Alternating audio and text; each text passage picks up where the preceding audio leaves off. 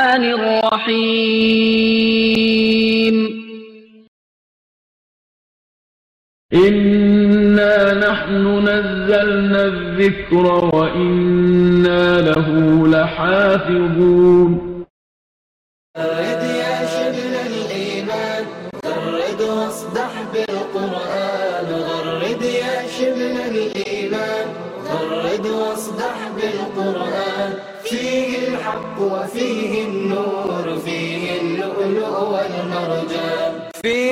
الحق وفيه النور فيه اللؤلؤ والمرجان غرد يا شبل الإيمان غرد واصدح بالقرآن أتل السطر وراء السطر فالقرآن ربيع طال عمري خذل السطر وراء الصخر فالقرآن ربيع العمل والقرآن شفاء الصدر فيه الرحمة والغفران بسم الله الرحمن الرحيم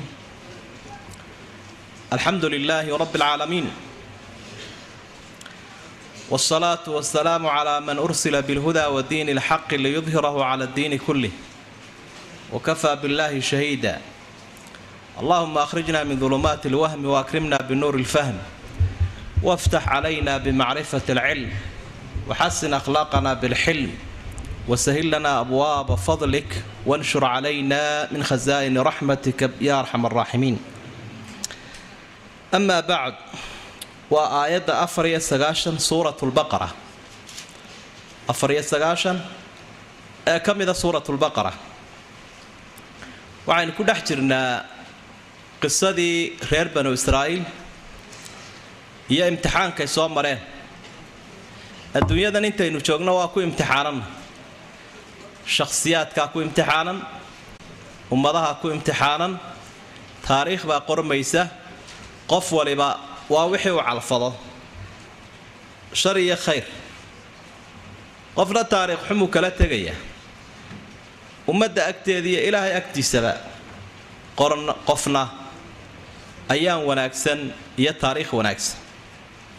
Bal taariikhda ummaddan baad arkaysaa iyadoo ubadkoodiina aanu ka raynine ay ka dareen. Qul waxaad tidhaa nebi maxamedow in kaanat lakum hadday idiin sugnaatay addaaru alaakhira daarta dambe oo jannada ah haddii yuhuuday ay idinku gaarto iska leedihiin cinda allaahi ilaahay agtiisa khaalisatan iyadoo idiin gooniya. Jannadu hadday idinka idiin gooni tahay ilaahay agtiisa ahi. Min duuni innaas dadka kale la'aantood. Oo dadka kale aanay jannaba lahayn. Fatamannaw lmowt geerida ku yidi diisha.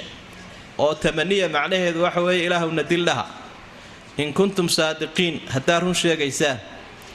Walan yatamannawhu dooni maayaan geerida. Abaddan weligoodba. Ilaahowna dil odhan maayaan yuhuudi. Bimaa qadamat aydiihim. Gacmahoodu wixii ay horu marsadeen daraaddii bimaa qadamat aydiihim.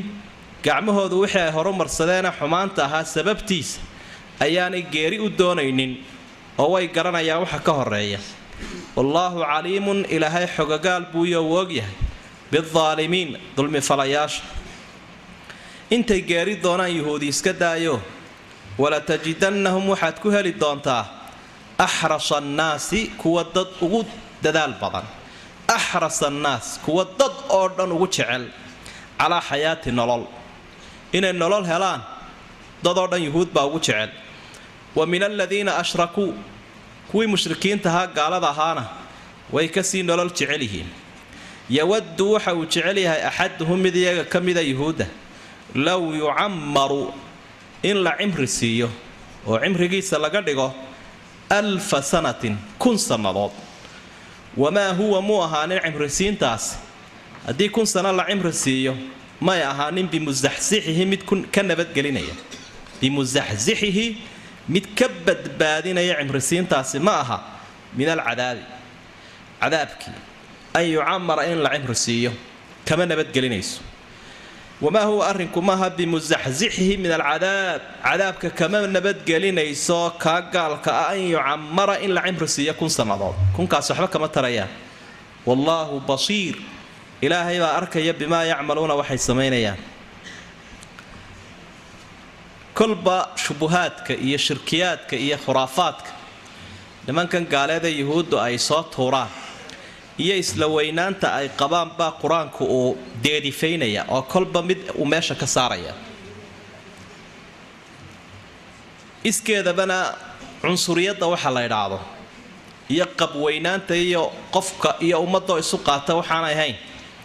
Masderkeediiyo halkay ka soo bilaabantaa waa nimanka yuhuudda la idhaahdo saa darteed baa waxay odhan jireen iyaga oo dee isla weyn lan yadkhula aljannata ilaa man kaana huudan aw nasaara jannada ma gelayo aakhiro qof yuhuudiya mooyaane qof qof yuhuudi iyo nasraaniya macnaha yuhuudi baa gaarkeeda u yidhi nasaaraduna gaarkooda u yidhaahdeen ila nin badanoo nasaarada baa ku abtirsanaysay diintan yahuuddana saa darteed jannadu annaga inoo gooni tahay bay idhaah ummadii kaleo dhan meeshay ka saareen. Waatayn habeenkii dhaweyta soo maraynay aayadda xadiidkii fasirayay. Markuu nebigu weydiiyu yidhi yaa naarta gelaya waxay idhaahdeen nakuunu fiiha yasiiran umma takhlufuuna fiiha in yar baanu annagu naarta gelaynaa afartankii cisheenu dibiga caabudnay idinkaana noo bedeli doona oo naarta ku dambaynaya. Marka sidaasay odhan jireen.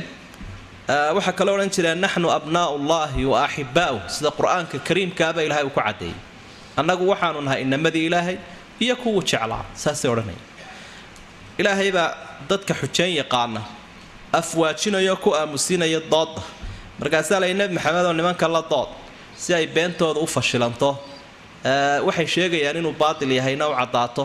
Su'aal weydiiya waxaad tidhaahdaa in kaanat lakum addaaru alaakhira cinda allaahi khaalis.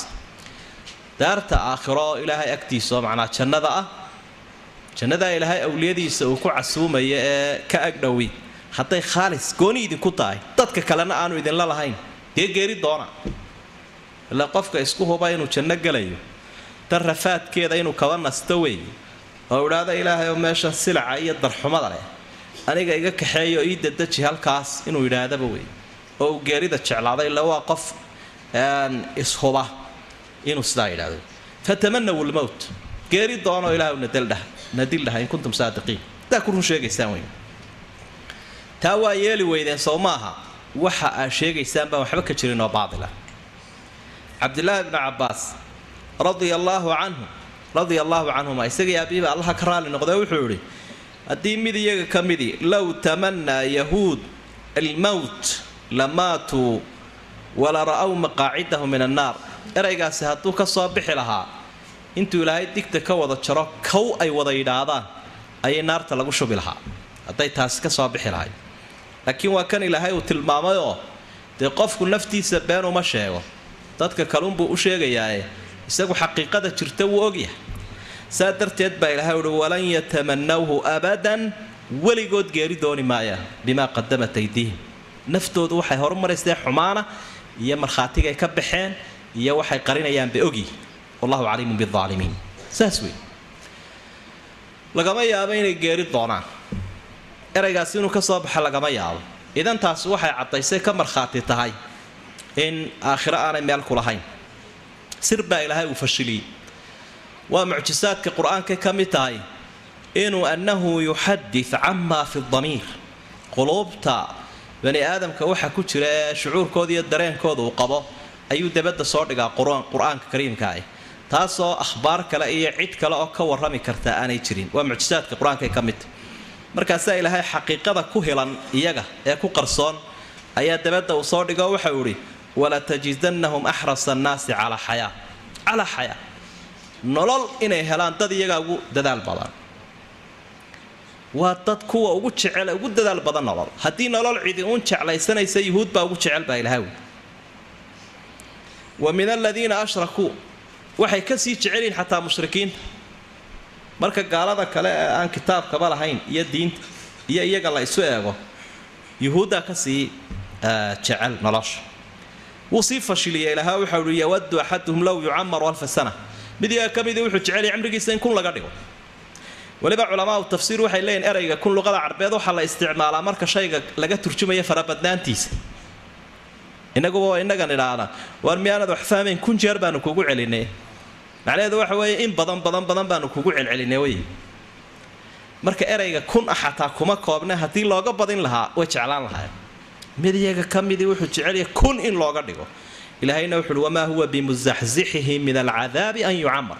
Zaxzaxa waa ka durkinta iyo ka badbaadinta. Kama badbaadinaysa in la cimri siiyo kun sannadood naar kama badbaadinayso. Sow marun dhiman maayo. Wasadaqa allah ku noolnahayna ka arkaynaa wallahu basiirun bimaa yacmaluun. Wa min aladiina ashrakuu waxay tilmaamaysaa xataa dadka kale gaalada ahi iyaguna saasay u jecel yihiinoo qof iimaan leh ayuunba ama geeri doona ama nafta hura. Markay ka warramayaan ummadahan imika mabda' daraaddii u dhinta ama naftooda quudha ama jihaad ha galeen ama iyagoo isqarxiyaba ha ahaado. Markiiba waxaa la leeyahay maba baadhaanba waa muslim. Ayay leeyihiin marka u horaysaba ka waxaa sameeyey waa muslim. Ee naftiisaa soo xidhay. Leannagu kan kale nolol buu doonaya inuu sii joogo bahashan uu sii yar dhadhamiyaabuu joogo ayuu doonaya wax aakhiro laydhaa iyo wuxuu kaga horreeya aanu ogeyn ama rumaysnaynba oo saa darteed ayaa uu geerida u nacay. Marka mushrikiintuba way jecelyihiin kuwana ka sii jacayl badanun weeye waaya sidaasibaa markaa runtii qofka iimaan leh. Markaa waxaynu ka faa'iidaysanaynaa awoodda muslimiintu ay haystaan. Qofka iimaan lehi awoodduu haysto cid kale ma haysato. Wax xaqiiqa jirta wey qof iimaan lehi awoodduu leeyahay cid kale ma leh. Ilaahay baana taa ku ogsoon. Sidaa daraaddeed baa qur'aanka kariimka fii suurati alanfaal saynu ku arki doonno waxa uu waajib ka dhigay ninka muslimka ah inaanu laba nin ka baqan. Berigii hore tobanbaabay ahayd toban ha u babac dhigabaalay markii gaaladiiyo islaamku dagaalamayaan is hayaan. Waa laga yara nafisiyo dadkii baan isku mustawo ahayn. Asxaabtu toban iyo ka badanba waabay u babac dhigi jireen. Saa darteed baa markii dambe laba iyo nin. Oo qofkani waa tahay mistuu wuu labanlaaban yahay. Qofkan muminka ahi biiimaanihi alqawiy. Iimaankiisa qawigaa daraaddeed. Wuxoogaya inuu ilaahay naftiisa ka iibsanayo marka taasiibaa ilaahay uu ka warramay xaqiiqadaasina wax xaqiiqo jirta wey qul waxaad tidhaahdaa nebi maxamedoo man kaana ka ahaadee caduwan lijibriil malakuljibriil cidda cadow u ah. Falyamut qaydan weeye cadhadiisa ha ku dhinto. Falyamut bicadaawati cadaawadiisa ha u dhinto. Ayaa halkaa ku jirtaoo laga fahmaya. Sababtu waxay ti fa innahu malagaasi nazalahu qur'aanka wuxuu ku soo dejiyey calaa qalbik qalbigaagu qur'aanka ku soo dejiyey biidni illaah ilaahay amarkiisa isagoo fulinaya mushadiqan iyadoo qur'aanku uu waafaqsan yihi u rumaynayo limaa bayna yadayh kutubihii ka horreeyey qur'aanku waa waafaqsan yihi wahudan hanuun buu qur'aanku yahay ciddii hanuun doonaysa isaga ka helaysa wa bushraa lilmu'miniin mu'miniintana bushaaru u yahay qur'aanku man kaana cidda ahaatay caduwan lilaah ilaahay cidda cadow ah ee la colaatamaysa. Wa malaa'ikati malaa'igta ilaahay cidda la colaatamaysa. Wa rusulih ilaahay rusushiisa cidda la colaatamaysa. Wa jibriila wa miikaala labada malaga jibriil iyo miikaaiil laydhaa malaa'igta ugu fadli badan cidda la colaatamaysa. Fa ina allaha ilaahay caduwun lilkaafiriin. Ilaahayna gaalada col buu u yahay ilaahay rasushiisa iyo malaa'igtuna dhan bay ka soo wada jeedaan. Marka ka ilaahay la coloobay iyo malaa'igtiisa iyo rusushiisa ilaahayna col buu la yahay. Dee ilaahay colaad wax may kaga qaadin. Ilaahay iyo jundigiisunbaa jabin doona kuwa. Fa ina xisb allahi hum lghaalibuun waayahay aayaddan labadan aayadood iyaguna sabab ay ku soo degaan ayaa sabab ay ku soo degeen baa jirtay. Rasuulka sala allahu calayhi wasalam markii uu tegay madiina suuratulbaqara dee sida loogayay suuradihii ugu horreeyey ee halkaa ku soo ahayd nimanka yahuudda ahi way u iman jireen. Isaguna waa qaabili jiray. Dood buu u furi jiray. Rasuulku dadka xoog kuma muquuninaya calayhi salaatu wasalaam qofka qancayana waa qancin jiray. Ka qanci waayana inuu islaamka xukunkiisa hoos yimaadaa la fari jiray. Rabshadda iyo xasaradda iyo xoogxooggana uu daayo. Laakiin hadduu gaalnimo go'aansado xoogxoogna la yimaado markaasaa lala jihaadaya. Marka dood buu furi jiray marka qaarkood buu masaajidka dhexdiisa gaalada kula doodi jiray nebi maxamed caleyhi salaatu wasalaam isagoo isku kalsoon oo wixii uu og yahay mooye wixii kale markaa ku soo xidhmana malagu si dhaqsaa ula soo gaadhayo. Su'aalay weydiiyana waxay dhahan dhowr su'aalood baan ku weydiin lahayn maxamedo haddaad nooga jawaabtana. Su'aalaha nebi unbaa ka jawaabi karaa haddii aad ka jawaabto waanu ku raacaynaa waayo inay raacaysaan ballan ku qaaday buudha dhaari la galaa way dhaarteen oo waxay ku dhaarteen haddii uu su'aalaha adagee nebi uunu garan karo uu garto inay raacayaan. Saddex su'aalood bay weydiiyeen oo la xidhiidha adduunyada iyo aakhira iyo arrimaha ijtimaaciga ah iyo insaanka iyo abuurkiisa la xidhiidha iyo xidhiidhka rususha iyo malaa'igta. Arrimo aad u adag oo xasaasiya su'aalaha waxaa ka mid ahaa dadku aakhiro marka ay jannada galaan inta ilaahay u qoray jannada waxa u horreeya soo dhoweynta ah ee lagu casuumaya ila ilahay wuxu uhi nusulan min kafuurin raxiim si wanaagsan baa loo soo dhoweynaya. Waxa ugu horreeya ee lagu casuumayo noo sheeg intaan horta wax kale la gaadhin su'aasha labaad aynu ku weydiinaynaa waxa weeye ilmuhu marna wuxuu egaadaa hooyada. Marna wuxuu egaadaa aabbaha maxaa sababaya? Su'aasha saddexaad aynu ku weydiinaynaa waxa weye rususha ilaahay iyo ilaahay iyo rusushiisa waxa u dhexeeya malaa'igta qayb safiira ah oo waxiga u keena. Kaasi waa kuma ama ka kuu yimaadaa waa kuma. Saddexda arrimood bay weydiiyeen. Nebigu saddexdiiba uga jawaabay calayhi salaatu wasalaam si dhib yar waxa uu u sheegay waxa ugu horreeya ahlujannaa lagu soo dhawaynayaa buui waa ziyaadatu kabadi lxuut bahalka nibiriga la ydhaahdo beerkiisa qaybta lulayda loo yaqaano. Beerka inina way buurantao xididadii axasaa ku badan inina way lulataayoo malaa qofkii u fiirsadayba dee arkee waa in saafiyahoo xididadii axasaanay ku badnaynoo beerka wanaagsanoo macaan. Intaasaa nibiriga bahalka la ydhaa beerkiisa intaa saafiga ayaa lagu soo dhawaynaya baladba galaa badaha laga soo guray. Badihii ilaahay baa laga soo guray. Markaa ilaahay awliyadiisa beerkaa macaan. Wadaadadu beerka xidhala way jecelyihin baydhaas dama waxaa la jeclaalanba helujanni baa lagu aftaxaybe qaybtaasaa la siinayaa oo lagu casuumayaa saddexdiibuu si wada jira uga jawaabayaa taa waad garatay bay idhaahdeen waa kugu hambalyayn ta labaad arrin xagga sayniska la xidhiidha weeye abuurka insaanka oo qadiyadda biyaha taranka. Ayuu markaa nebigu uga jawaabay. Wuxuu ihi kuwa aabbuhu hadday xoog bataan ilmuhu abiib u egaada haddii kuwa hooyadu xoog bataan riwaanka qaarkoodna soo horeeyaan bay sheegayaan. Ilmuhu wuxuu egaadaa hooyada marka iyada qudhigeeda mayniska iyo balaaska waa arrimaha ay maaragtay dhakhaatiirtu qirayaan. Waaya arrinta saddexaadna uuga jawaabo waxau ihi malaa'igta ilaahay ka u qaabilsan xagga waxyiga inuu rususha u geeyo waa malaga la ydhaahdo malakul jibriil. Isagaana masalooyinkan saddexdaa goor dhoweyta iiga warramay. Madaxay qabsadeena waxay idhaahdeen malakul jibriilah kaasi daaka caduwulyahuudi min almalaa'ika kaasi waxa weeye cadowga yuhuudiba ku leedahay malaa'igta.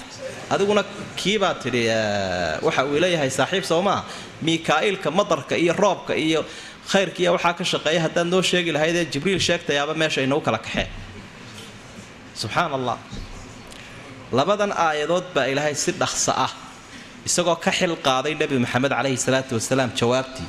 Si dhaqsaabaa labadan aayadood uu ugu soo dejiyey nebiga iyagoo markaa jawaab iyo deedifayn afka lagaga dhufanaya ay tahay markaasaa ilaahay uhi man kaana caduwan lijibriil fainahu nazalahu calaa qalbika biidn illaah qofka malakul jibriil cadow ahi fa inahudaas waxay jumlay ka wakiil tahay fadaas. Oo jawaabu shardigiibaa halkaa ku jira ka cadow u a malakul jibriil falyamut bicadaawati wa biqaydi cadhadiisa hala dhinto cadhadii naxligiisa iyo nacaybshiyihiisa ha ku dhinta. Ilaahay ha dila waayo malagu malab lala colaatamaba ma awliyada ilaahay ka ugu qaalisana ugu fadli badan kuwa ugu fadli badan buu ka mid yahay.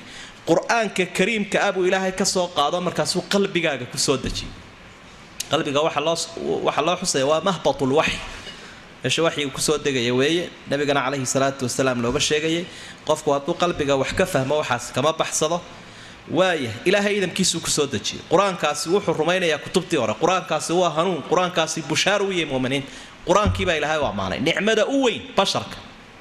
Ee khaalidkee waaraysa. Mucjisaadkii rasuulka kii weynaa kitaabkan kariimka ayaa malagani ilaahay uu ka soo qaadayoo isagoo sidiisiiya uu nebi maxamed u keenay caleyhi salaatu wasalaam. Ku la soo dhoweeyo la jeclaado. Mooyaane ma mid lala colaatamaabaa markaasaa ilaahay uu tusay ilaahay iyo xisbigiisa iyo malaa'igtiisa inaan la kala guri karayn. Oon la odhan karayn ilaahayna waanu rumaynay malaa'igtana waanu diidnay rusushana waanu diidnay maya. Ilaahay iyo xisbigiisu ilaahay iyo awliyadiisu hadday yihiin malaa'igta hadday yihiin mu'miniinta dhan bay ka soo wada jeedaan. Man kaana caduwan lilaahi wa malaa'ikatihi wa rusulihi wa jibriila wa miikaal. Intaa qofka cadowa ilaahay malaa'igtiisa rususha jibriil miikaal. Waa miikaa'il iyo miikaal waa isku mid ah. Fa ina allaha caduwun lilkaafiriin ilaahayna cadow buu u yahay gaalada. Ka intan la colaatamay ilaahay buu la colaatamay ilaahayna ka naseex u noqon waaye rumayn waaye ee cadow u noqday dee ilaahayna cadow buu yahay. Addoon yaroo daciifahoo liita hadduu ilaahay la colaatamay ilaahay miyuu baryaya maya marka cadaawadiisu ilaahay waxba yeeli mayso. Laakiin cadaawadda kaa ilaahay u qaaday adhaxday ka jabinaysa. Cudur dilaaya baa ku dhacay.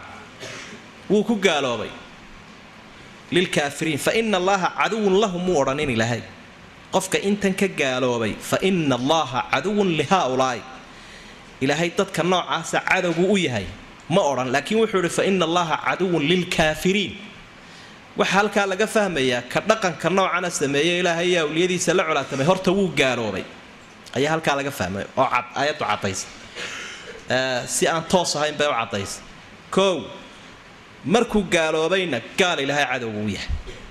Yaa ayuha aladiina aamanuu laa tattakhiduu caduwii wa caduwakum wliyaa cadowgayga iyo cadowgiina weli ha ka dhiganinaya gacal ayaa ilahay wi halkaasuu mariyay halkaasaa lagu kala hadhaoo dee kol hadduu ilaahay boqorka ahaa jawaabay yuhuud waxba lagama dhagaysanayo iyagiina halkiibay ka hulaaleenay ka dhaqaajiyeen. Waa fadeexada istabajoogahoo ku dhacaya oo aanay haddana libiqsanayn waa niman il adag oo xumaanta ku il adag weeye inkaari ku dhacday. Markaasaa dabeed haddana rabbi waxa uu bilaabay siday ilaahay awliyadiisa ula dhaqmayeen inuu ka warbixiyo inuu ku soo celceliyo aayaadka. Nebi maxamed say u diideen qur'aankanna ay u diideen malakul jibriil iyo miikaal ay u diideen ayaa dhaqankoodu soo jireen u ahaa. Oo rusushii ilaahayna ay u diideen ilaahay diintiisii ay u diideen marka miikaa'iil iyo miikaal waa magaca malaga ayuunbaa labadaba loogu dhawaaqaa. Miikaa'iil iyo miikaal jibriil iyo jibraa'iil marka waa malaa'igta kuwa ugu fadliga badan ayaa ay ka mid yihiin.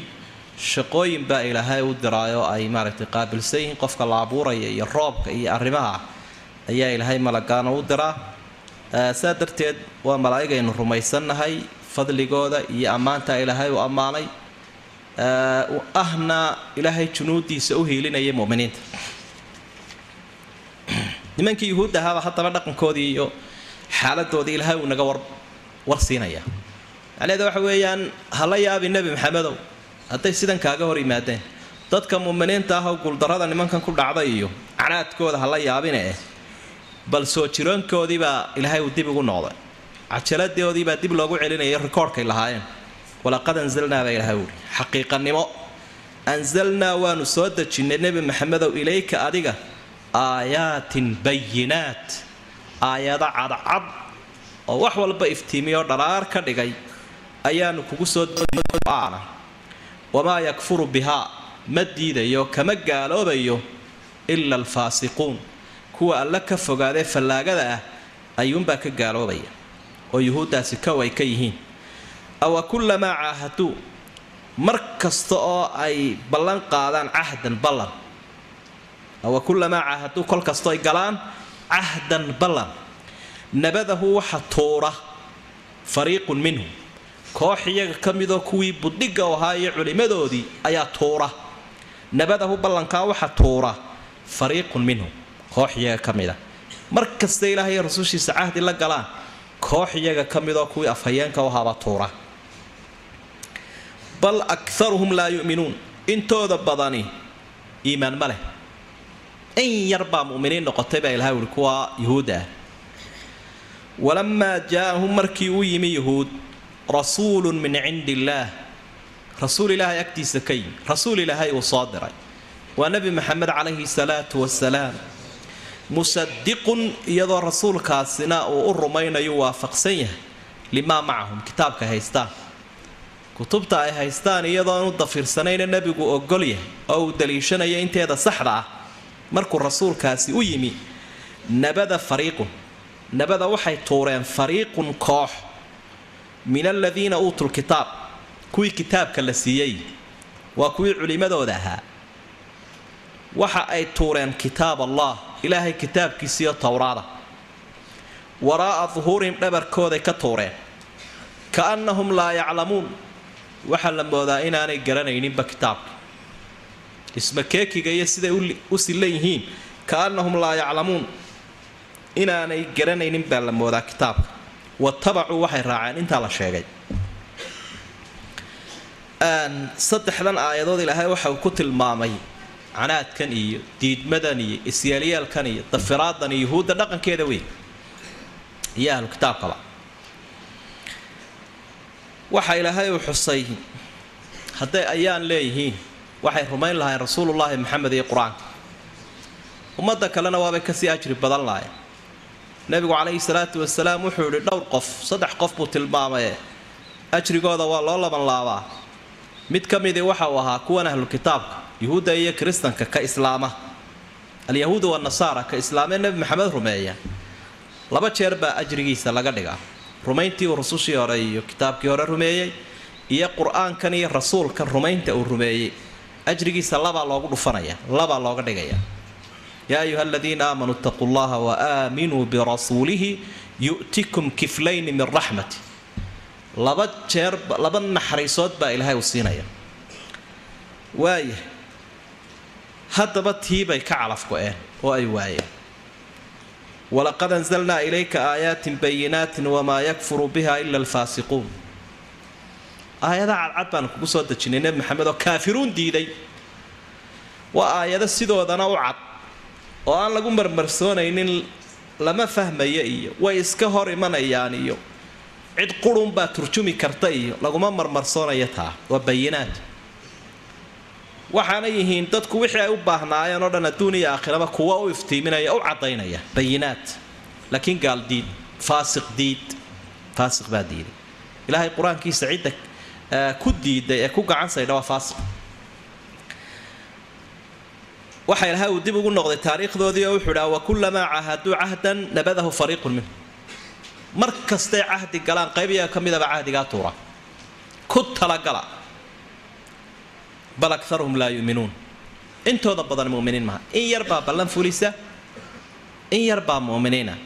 Qur'aanku wuxuu ina barayaa alcadaala fi ltacbiir wa fi likhbaar markaynu wax cabirayno markaynu warbixin samaynayno markaynu cid ka faalloonayno mar walba alcadl waidaa qultum facdiluu ilahay wuxuu leeyahy mar hadal kastoo idinka soo fulaya cadaaladda ilaaliya nimankan oo la yaqaano sharkoodu siduu u fara badan yahay iyo waxaa nebiga ka rumeeyba inay yaraayeen.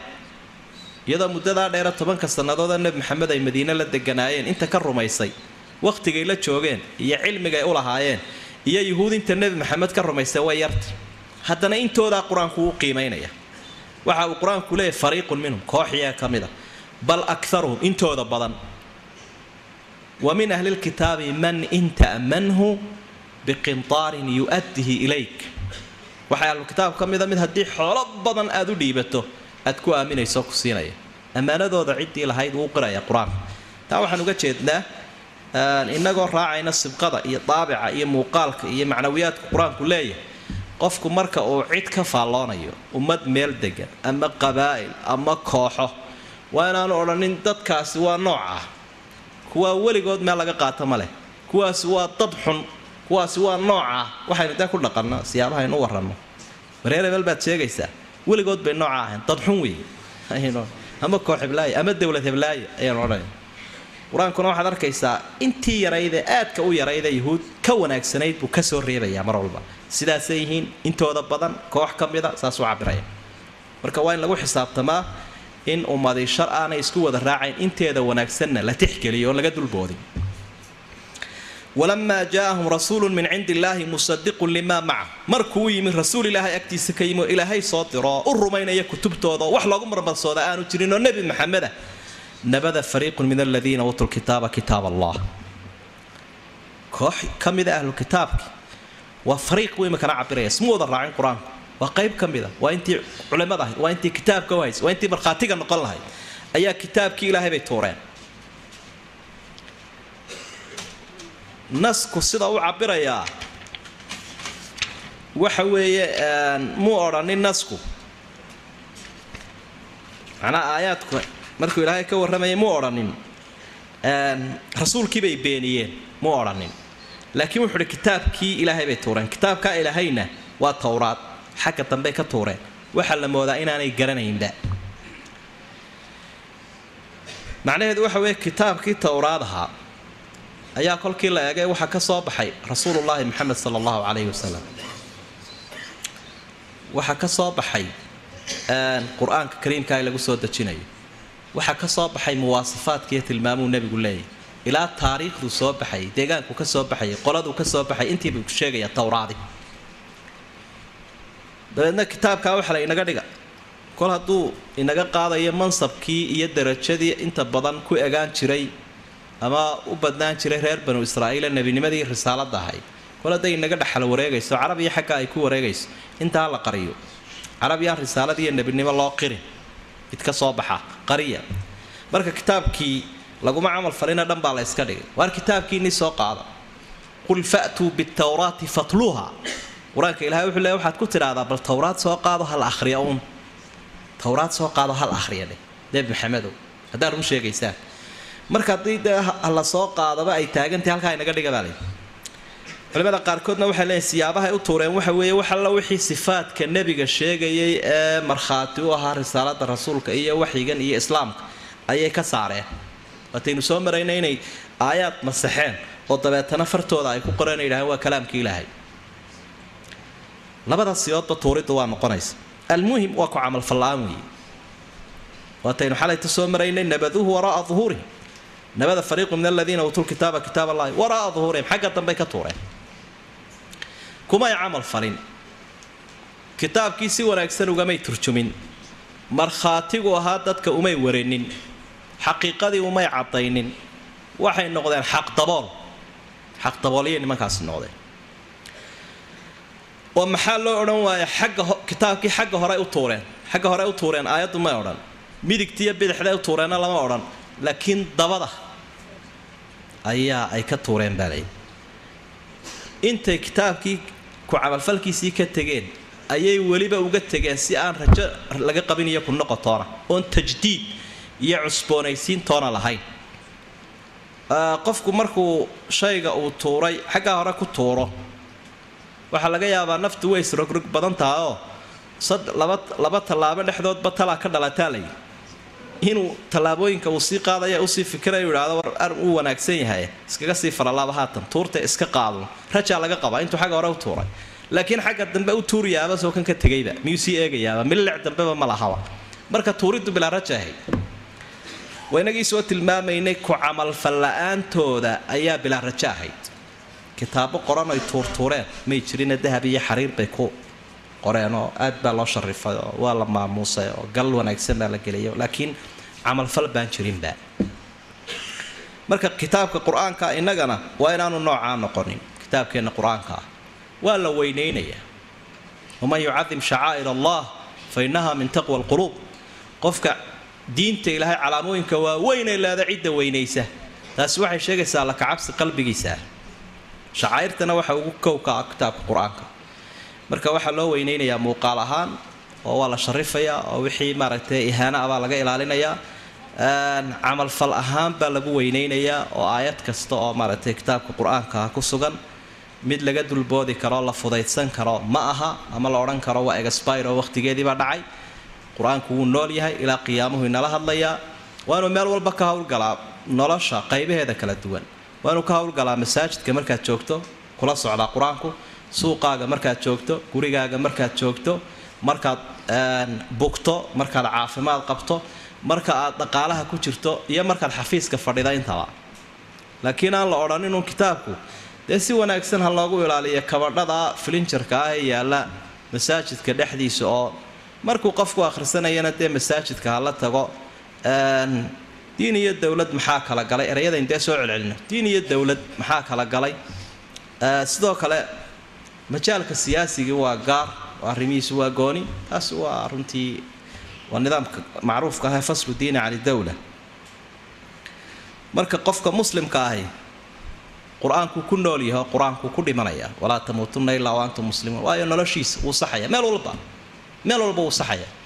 Cumar ibnu khadaab radia allaahu canh wuxuu odhan jiray ragga qur'aanku markaan xafiiska jooga iyo madaxtooyada ha iga ag dhowaadeen buu odhan jiray dadka kaleo dham muxadisiinta iyo qolada dagaalka ku fiican iyo qolada idaaradda ku fiican iyo maamulka iyo kuwaasoo dhan waxa namber waaxid ka ah oo mustashaariintayda ila taliyayaasha kow iiga ah buu odhan jiray xufaadda qur'aanka.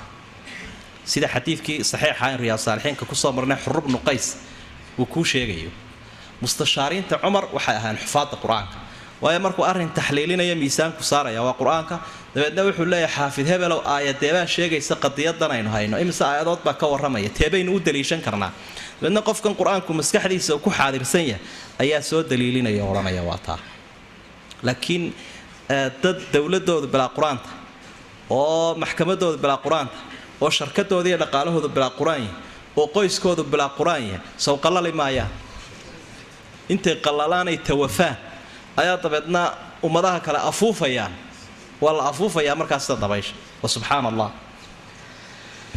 waaya waxaa kaloo haddaba taariikhda ilaahay uu inagu barayaa ummadihii noloshan inooga horreeya wakhtiga soo qaata markay kutubtoodii tuureen ay halkaa iska dhigeen.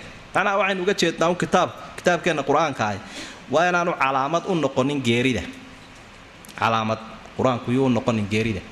Waxaynu uga jeednaa markuu qof dhintown haddii laydhaa soddon kitaab inoo soo qaado minjus ha laga tuuro dhaxankiiyo fidaha lagu akhriyo ama tacsida ha lagu akhriyo ama sida iminka la soo kordhiyey qof qur'aankaba ifkii iskaga tegay cajalad ha loo daaro qur'aankaoo geeridiisa iyo xabaashiisa raacda. Dee qur'aankii waxay astaanunbuu u noqday dhimasho. Haddii qur'aan baxaya waxaa la leeyahy tolow kumaa dhintay. Waralkaa qur'aan badan baa laga akhriyaya yaa dhintay. Ayuu noqday. Astaan yuu noqonin qur'aanku geerida. Laakiin waa astaantii nolosha. Ilahay wuxuu uhi sibqat allah waman axsanu min allahi sibqa. Waa rinjigii ilaahay ilaahay yaa ka rinji wanaagsan.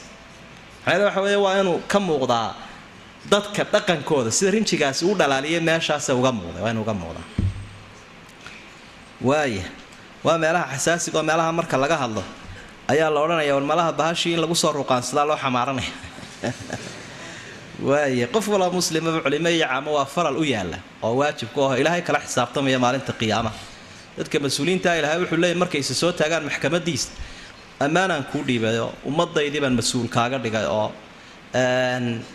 dhaqaalahoodii iyo xukunkoodii iyo awooddii ayaan gacanta kuu geliyee maxaad igaga adeecday? Wakiil baad ku ahay dhulka. Anta khaliifatii fi lard wakiilkaygii baad ku ahay dhulka eh. Maxaad diintaydii uga helisay? Maxaad islaaxiseed hagaajisay? Marka calaamad su'aal weyn baa hortaalla si uga dabaashaba hadday dadku bilaadiin noqdaanay qur'aan qur'aanka diidaan iyo diinta. Ma bannaankay iska taagnaanayaan maya laabudda min badiilin shar. Badiil shar ah wax kaloo shara bay ku bedelanayaan qofka bani aadamka wuxuu u abuuran yahay inuu cid adeeco inuu cid u hiiliyo inuu manhaj raaco. Haddaba manhajka samaawigaah hadduu diido wax kaluu ku bedelanaya.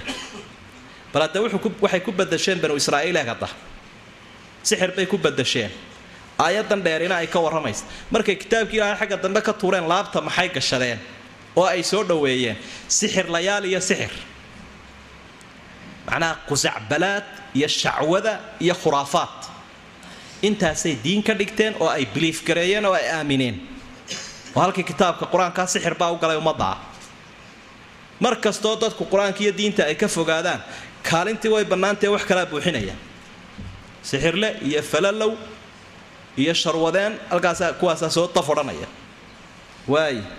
Ilaahay iyo malaa'igtiisii iyo mu'miniintu hadday meel ka baxaan shaydaan iyo sixirlaa soo buuxinaya. Gaadhigaasi madhnaan maayo wax kala camiraya. Watabacuu buu ilahay yidhi haddaba. Markay kitaabkii tuureen waxay raaceen maa tatlu shayaaiinu shayaaiintu wixii ay akhriyi jireen ay dudubin jireen. Calaa mulki sulaymaan. Wakhtigii nebi sulaymaan madaxtinimadii nebi sulaymaan cahdi sulaymaan malaaig shayaaiintu wixii ay dudubin jireene sixirka ahaa. Kiiba yahuudi qaadatay wamaa kafara sulaymaanu? Nebi sulaymaan muu gaaloobin? Walaakina shayaaiina kafaruu. Shayaaiintaa gaaloobay. Oo see u gaaloobeen? Yucallimuuna annaas. Dadka waxay bari jireen asixr sixirkay barayeen. Kaasay ku sii gaaloobeen. Wamaa shayna way barayeen dadka. Unsila cala almalakayn labada malag lagu soo dejiyey bibaabila meesha baabila la ydhaahdo labadii malaga lagu soo dejiyey sixirkii lagu soo dejiyey bay barayeen haaruuta wa maaruut. Labada malag labadaa magac baa la kala odhanayay wamaa yucallimaani may baraynin min axadin qofna may barayn sixirka. Xataa yaquulaa jeeroo ay ku yidhaahdaan innamaa naxnu fitnatun. Waar annagu waxaanu nahay wax dadka lagu jirabayo imtixaan baanu nahay. Falaa takfur ha gaaloobin oo sixirkanaanu kuu sheegnay ha ku camalfalin fa yatacallamuuna dadku waxay ka baranayeen minhumaa labadaa malag. Maa shay bay ka baranayeen yufariquuna bihi ay ku kala kaxayn karaan. Bayna almar-i qofka iyo wa sawjihi lamaanihiisa nin iyo ooridii ama oori iyo ninkeed waxay ku kala eryi karaan. Oo sixru tafriiqa ayay ka baranayeen wamaa hum may ahayn dadkaa sixirka isticmaalaya bidaariina bihi kuwa ku dhibaya min axadin cid ilaa biidn illaah ilaahay awooddiisa ilaahay oo doono uun mooyaane oo qadara mooyaane cidna kumay dhibi karaynin sixirlayaashu sixirkooda wayatacallamuuna waxay ka baranayeen dadku malaa'igta labadaa malag maa yaduruhum wax dhibi kara hadday ku camal falaan walaa yanfacuhum oo aan waxba u tarayn. Walaqad calimuu xaqiiqanimo way ogaadeen baa ilaahay wi yuhuuddu yuhuuddaa sixirka qaata laman ishtaraahu cidda sixirka iibsata ee bedel qaadata ee diin ka dhigata maa lahu fil aakhira inaanu aakhiro u sugnaaninba min khalaaqin wax calaf ah wax dheef ah iyo guulaysiya inaanu lahayn. Walabi'sa waxa xumaaday maa shay baa xumaaday sharow ay u bedel qaateen bihi isaga anfusahum naftooda. Naftooda waxa ay u bedel qaateen ee ay u iibsadeen oo sixira ayaa xumaaday. Low kaanuu yaclamuuna hadday garanayaan. Walow annahum haddii iyagu yuhuuddu aamanuu ilaahay ay rumayn lahaayeen iyo nebi maxamed iyo qur'aanka wattaqow ay ilaahay ka cabsan lahaayeen lamahuubatun abaalmarin min cindi illaahi ilaahay agtiisa ka ahaatay baa khayrun u wanaag badnaan lahay si fiican baa ilaahay abaalmarin wanaagsan u siin lahaa oo agtiisa ahaatay hadday ilaahay aamini lahaayeen ee ka cabsan lahaayeen. Low kaanuu yaclamuuna hadday garanayaan. Waa aayadaha taxliilkooda iyo tafsiirkooda. In loo yaro fiirsado la yar dhugto mudan xagga qur'aanka. Oo qaarkoodna xagga tarkiibka iyo isasaaridday ku adagyihin qaarkoodna xagga macnaha iyo faallada laga bixinayo. Waaya tafaasiirta qaarkoodoo si yaro qalloocan ama dadban uga faalloonaya ama u sharxaya aayaadkan way jiraan. Laakiin oo dee laga yaabo inay ka soo yimaadeen yuhuudda qur'aanku ka warramaya nimanka mustashriqiinta la ee qoraayada ah ee dhaxalka muslimiinta soo dhexgala ee isku daya inay duulimaad xagga qoraalka iyo kutubta ah ka galaan. Way jiraan. Qaar aqoon ula diinta islaamka jaamacadahooda maaragtay brofesor ka ahoo kutub qoraa jira oo tafsiirka isku daya inay sharxaan oo siduu sharaxa u wado wado wuxuu isku dayayaa toban meeloodun qur'aanka kariimka ah inuu risaalad liidata dadka u xambaariyo ama qisooyin faasida uu ku dhex daro ayuu isku dayayaa laakiin nasiib wanaag wax la ogyahay wey iska macruufa. Markaynu sida muxaqiqiintu ay marayaan ama ay u sharxayaan aayadda aynu ku soo dhowaano kuwa kale aynu iskaba dayno ee sida khuraafaadka u sharxaya waxaa badnaa wakhtigii nebi sulaymaan. Waxaa la yidhaahda sixirlayaasha. Sidii uu badnaa wakhtigii nebi muuseba oo wakhtigii nebi muuse calayhi salaam. Sixirlayaashu markii ay bateen ee uu noqday sixirku wax la ysugu faano ee cidda lagu hiranaya la jeclaysanaya sixirlayaasha ay noqotay waa kii ilaahay u dhiibay nebi muuse mucjiso ushiiya oo sixir loo dhan aamusiisay markay isu wada yimaadeen. Aamusiisay. Taasaa caddaysay oo sixirlayaasha laftigoodii ay rumaysteen. Inaanu sixir waxaanay ahayne mucjiso u waana kuwii islaamayba sixirlayaasha. Wakhtigii nebi sulaymaan sida la ogsoonaya dee nebi sulaymaan waa ka dambeeyey nebi muuse calayhim asalaam ayaa arrintaas soo laba kaclaysay.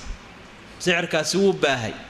Waxaa la kala garan waayey rusushii imanaysay ee ilaahay dadka uu soo dirayay mucjisaadkoodii iyo sixirkii. Labadaasaa isku darmay oo dadku intay sixirkaa sameeyaan unbay ugu sheegi jireenuun mucjiso ayuunbay ugu sheegi jireen. Qaar aan nebi ahayn baa nebi sheegan jiray. Qaar aan weli ahayn baa weli sheegan jiray. Ilaahay baa wuxuu doonay inuu arrintaa caddeeyo oo wixii mucjisoana uu mucjisonimadeeda u caddeeyo wixii sixirana sixirnimadiisa uu caddeeyo sideedabana waxaa la yidhaahdo sharka inta faraha badan qofka garanaya aad buu uga feejigan yahay. Halka laga yaabo in lagu harowsan karo qofka aan shaygaa xumaanta ah fikrad ka haysanin qofka waa loo dhuubi karaa si dhib yar baa loogu dhiibi karaa. Laakiin qofka shaygan garanaya dee wuu garanayaaba oo wixii xumaantiisiibuu garanaya. Waana arrinta dawaysay sixirlayaasha. Sixirlayaashii khubaradoodii kala duwanaa markii waxoodii oo dhan ushii nebi muuse ay leeftay waxay garteen inaanu kani sixir ahayn oo mucjiso uyo si deg degay u rumeeyey si ilaahay uu kala saaro sixirka iyo mucjisada ayuu soo dejiyey laba malag. Magacooda waxaa la idhaahdaa haaruut iyo maaruut. Meesha ay ku soo degeen waa baabil ee lagu soo dejiyey. Baabil ciraaq bay ku taallaa. Qolyaha qaarkood waxay leeyiin waxay ka agdhowdahay mawsil oo waqooyiga ciraaq qolyaha qaarkoodna waxay leeyiin waa ereyada kuufa oo in badan aad idaacadaha ka maqashay maka. Ciraaq bay almuhim ku taallaa labada malag halkaasay yimaadeen oo mamlakada nebi sulaymaan ay u badnayd. Labadaa malag waxay isku soo shabaheen laba nin oo wanaagsan sida malaa'igtuna way isku soo shabahaan makhluuqa iyo bani aadamka ayay isku soo shabahaan xayawaanka iskuma shabahaan iyo wixii liita. Dadkii bay barayaan sixirka maadaama sixirkii uu noqday wax mucjiso loo maleeyey sixirkay barayaan. Waxay leeyihiin wakaa kaasaa sixir la idhaahdaa sida aayaddaba ilahay uu ku sheegay. Fa yatacalamuuna min wamaa yucallimaani min axadin xataa yaquula inamaa naxnu fitnatun falaa takfur. War waxay leeyihiin annaga baridan aanu barayn iyo sixirka aanu kuu sheegayna war waa fitno. War wakaa sharki sharkii wakaa xumaantii wataa gaalnimadii wataa ka feejignow iska ilaali siduu xudayfa lahaa nebi maxamed sharka waan weydiin jiray buui dadkuna khayrkunbay weydiin jireen. Anigu sharka waxaan u baranayay buu xudayfa lahaa si aan uga feejignaado. Wixii shar iyo balaayaa nebiga waan waraysan jiray balaayooyinka soo socdee dhacaya si aan isaga ilaaliyo. Marka jaahiliyada waxaa ka feejignaan karaa qofka yaqaana sidaa darteed digniintaasay khad laydhkaa cas bay u shidayaan qofka way barayaan sixirkii waxay leeyiin kaa saasaa loo sameeyaa waxaa maadooyinkaasuu ka kooban yahay intaasaa isla qarxaysa yay kugu qarxi. Inamaa naxnu fitnatun falaa takfur. Sixirkii kaa garo oo noocyada sixirku waa intaasoo nooc iska ilaali waa lagu gaaloobaa intaa wixii aan ahayn cidaad ku aragtaa waa mucjise rumayso. Dadku saasay lahay sidii baa dabeedna dee qof qof qofkii ku fitnoobaya iyo kii kale dee wuxuunay la mid tahay in waxyaabahan lagu gaaloobo iminka ficilku qofku ku gaaloobo iyo qowlka uu ku gaaloobo haddii loo sheego oo la baro. Macnaheedu maaha raac. Ee waa loo sheegayaa gaalnimadii qofka wixii uu ku gaaloobay qowl iyo ficilba lahaa digniintiina waa loo raacinaya. Tanna taasunbay la mid tahay. Marka maxay u barayeen? Jawaabtaasaa u noqonaysa. Hadday malaa'ig ahaayeen khayr baa laga filaya maxay sharkan u keeneen? Sharkaba ilaahay baa qadaray sharka waxaa loogu sheegayaa si dadka looga digo oo ay uga baydhaan. Halkaa bohol baa lagu dhacaya qodax baa halkaa kaa mudaysa iska ilaali digniintaasaa loo raacay. Saasay ahayd iyadoo haddaba qisadu sidaa ay tahay malaa'igtaasina dadka xikmadday u barayeen ay sa ahayd magacyadooda iyo meeshay joogeenna sa ahayd wakhtiguna caynka ahaa sababtuna sidaa ahayd haddana guud ahaanba waxaynu ka faa'iidaysanaynaa sixirka iyo miisaanka oo ay shareecaddu saartay ama qur'aanka kariimka ay u saaray iyo islaamku halkuu ka taagan yahayna aayadda waynu ka faa'iidaysanaynaa intaynaan taa u gelin iyo mustafaadaadka aayadda laga qaadanayo iyo mowqifka shareecaddu sixirka ay ka taagan yahay culimmadu xukunka ay maaragtay arkayaan iyo madaahibtu sabab kale culimmadu sheegaan oo ah nimanka reer banu israa'iil niman khuraafaadku saa'id agtooda uu ka ahaa uu sarreeyey buu ahaa. Khuraafaadkaa suuq badan ku lahaa dhexdooda nebi maxamed calayhi salaatu wasalaam markii uu ambiyada ilaahay ka warramay ayuu ku soo daray nebi sulaymaan. Qisooyinkay sulaymaan ka haysteenna wuxuu ahaa inay eedayn jireen. Markaasay yidhaahdeen war sulaymaan baaba rusushii ilaahay ku daray oo sixirle aynuu naqaanay. Macnaha iyagaa khuraafaadkaa iska dhaadhiciyay nebi sulaymaan ayaabuu ku darayba rusushii ilaahay oo sixirla ahaayoo jinka iyo insi iyo shimbiro wixii uu ku watay oo dhammi sixir buu ahaa. Macnaha wixii towraadooda loogu qoray baa noocaa noqday ayagu isugu qoreen. Saasay ku haysteen qisadaasa qalloocaasay ugu dhacday. Faalladay sulaymaan ka haysteen ee wadaadadoodii wax u qoray ay u sheegeen baa sidaa ahayd kolkaasaa dabeedna ilaahay rusushiisa wuu heliyaa innaa lanansuru rusulana waaladiina aamanuu fi lxayaati dunya wa yowma yaquumu lashhaad waan u hiilinayaabaa ilahay uhi rusushayda iyo muminiinta hilimaadkay ka mid tahay in wixii baadilahe laga sheegaya ilahay uu dadka dhiciyo kolkaasaa ilaahay aayaadkan uu soo dejiyey. Sababtaa markaad garato ayaad jawaabteeda heli karaysaa eraygaa ilaahay uu yidhi wamaa kafara sulaymaanu walaakina shayaaiina kafaruu sulaymaan muu gaaloobin dadkana sixir muu barayn isagu sixirla laakiin shayaadiinta ayaa gaalooba sixirka dadka baraya. Adigu waxaad isweydiinaysaa maxaa sulaymaan? Muu gaaloobin meesha soo geliyay laakiin markaad sababta garato ayaad fahmaysaa. Culimmadu waa kuwa idhaahda asbaabu nusuuli lqur'aan yusaacid calaa fahmi alaayaat marka asbaabu nusuulka qur'aanku sababuhu ku soo degaad wax ka garato aayaadka fahamkooda in badani ku dhaadhacaysa. Marka jawaabtu waa taa wey guud ahaanbana manhajka ilaahay oo la tuuro oo meel la iska dhigo manhaj shaydaan unbaa lagu badashaa sidaa darteed baa maanta dowladaha u waaweyn caalamka iyo sharkadaha u waaweyn iyo siyaasiyiintooda u waaweyn waxaa macruuf ah mid waliba waxa uu leeyahay falalow ka agdhow. Oo markuu doorashada galaya iyo marka uu meel la shuraakoobaya iyo marka uu tallaabo qaadaya uu idhaahdo bal tusbixii ridoo qiiqiishid uu idhaahdo waa macruuf. Ilaa dowladaha u waaweyn baa markay soo kaambayn garaynayaan ayay ka bilaabeen. Bal inoo sheeg sheeg wax. Tanabu'aad bale watabacuu waxay raaceen maa tatlu shayaaiinu calaa mulki sulaymaan. Wakhtigii nebi sulaymaan shayaaiintu waxay akhriyayeen. Sixirlayaal iyo falalo wuxuu dudubiya lagama waayo. Waxunbuu dudubiyaa fara badan wa min shari nafaathaat wamaa kafara sulaymaanu walaakina shayaaiina kafaruu sulaymaan muu gaaloobin? Oo sixir dadka muu barayn? Laakiin shayaaiintaa gaaloobay. Maxay ku gaaloobeen yucallimuuna annaasa sixra? Sixirkay dadka barayeen waxaad aragtay durba go'aanka aayadda kuu dhiibtay waxa weeye sixirka cidda baraysa ama baranaysa inay dee gaaloobaysa ayaa kolkiiba aayaddu lagu dhiibay. Wamaa shayna way barayeen shayaadiintu dadka. Unsila cala almalakayn labada malag lagu soo dejiyey la baray. Bibaabilo meesha laydhaa baa lagu soo dejiyey. Haaruuta wa maaruut bay magacyaashoodu ahaayeen wamaa yucallimaani min axadin. Cidna may qof may baraynin labadaa malag xataa yaquulaa jeer ay ku yidhaahdaan iyagoo u digaya innamaa naxnu fitnatun falaa takfur.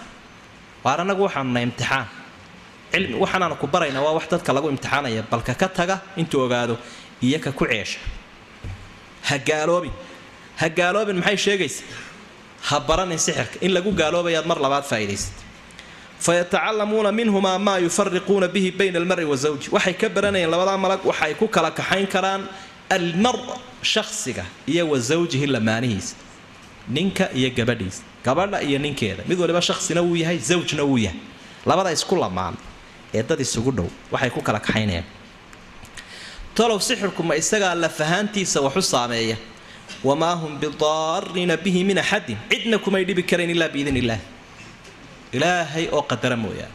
Waa sabab sida xabaddaa haddii lagugu rido oo ilaahay aanu qadarin inay ku waxyeelayso ama way katibi ama cid kaa qabataa la heli ama wuu kula seegi waa noocaasoo kale. Wayatacallamuuna maa yaduruhum walaa yanfacuhum waxay ka baranayeen dadkaasi malaa'igtaa wax dhibayoon dheef lahayn. Sixirku dhibunbuu leeya dheef ma leh. Walaqad calimuu waxay ogaadeen reer banu israa'iilkan ku ceeshaya wakhtigan dambe sixirka laman ishtaraahu cidda iibsatee bedel qaadata ee diin intay ka tagta sixir qaadata maa lahu fi laakhirati min khalaaq inuu aakhira bilaa nasiib yahay aakhira seeg inuu yaad ka faadaysa walabiisa maa sharow bihi anfusahum naftooda waxay u iibsadeen baa xumaaday mar kaleu ilaahay ku sii celiya waa sixirka low kaanuu yaclamuun walow annahum aamanuu wattaqow hadday iimaan yeelan lahaayeen ilaahayna ka cabsan lahaayeen waa dawada sixirka taasina lamahuubatun min cindi illaahi khayr. Abaalmarinta ilaahay agtiisa ahaatee taqwada iyo iimaanka laga abaaliya khayra low kaanuu yaclamuun hadday garanayaan waxaynu ugu celcelinaynaa bal in fahamku soo dhawaado. Waaya sixirka marka u horreeya ma jiraa mise ma jiro.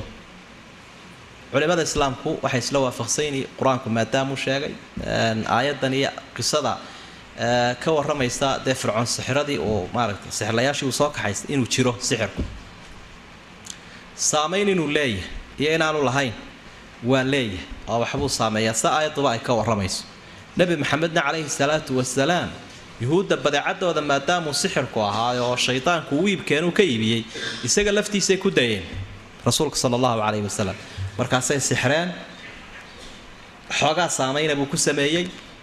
Ilaahay wuxuu u soo dejiyey labada qul acuudu qul acuudu birabbi lfalaq iyo qul acuudu birabbi nnaas markuu akhriibaa ilaahay uu bogsiiyey qofkii la sirxayna kollay waa suuradaha asaasiga oo lagu akhriyayo sixirka xukunkiisu baridiisa iyo barashadiisa iyo isticmaalkiisa muxuu noqonayaa majaa-is baa miyaa la kala qaadayaa? Maya. Dhammaan waa wada xaaraan weeye. Inuu qofku barto iyo inuu baro iyo inuu isticmaalo. Saddexduba waa xaaraan. Maxaa xukunkiisu noqonayaa? Qofkan sixirlaha falalow baynu u naqaanaa falalowga xukunkiisu waa maxay mowqifka shareecaddu ay ka taagantah afarta madhab saddex ka midii waxay qabaan shaafici mooyaane saddexda kale waxay qabaan in la dilayo. Ama gaalnimaha loo dilo ama jariimadu galay daraaddeeda sixirlaha waa la soo qabanaya maxkamaddu way xukumaysaa waa la tooganaya. Iyadoo dabcan ijraa'aadkii broseskii loo marayay waxaan wax loogu sugaya dariiqadii wax loogu cadaynayay iyaduna jirto oo taasina ku xisaabtankeeda ay leedahay.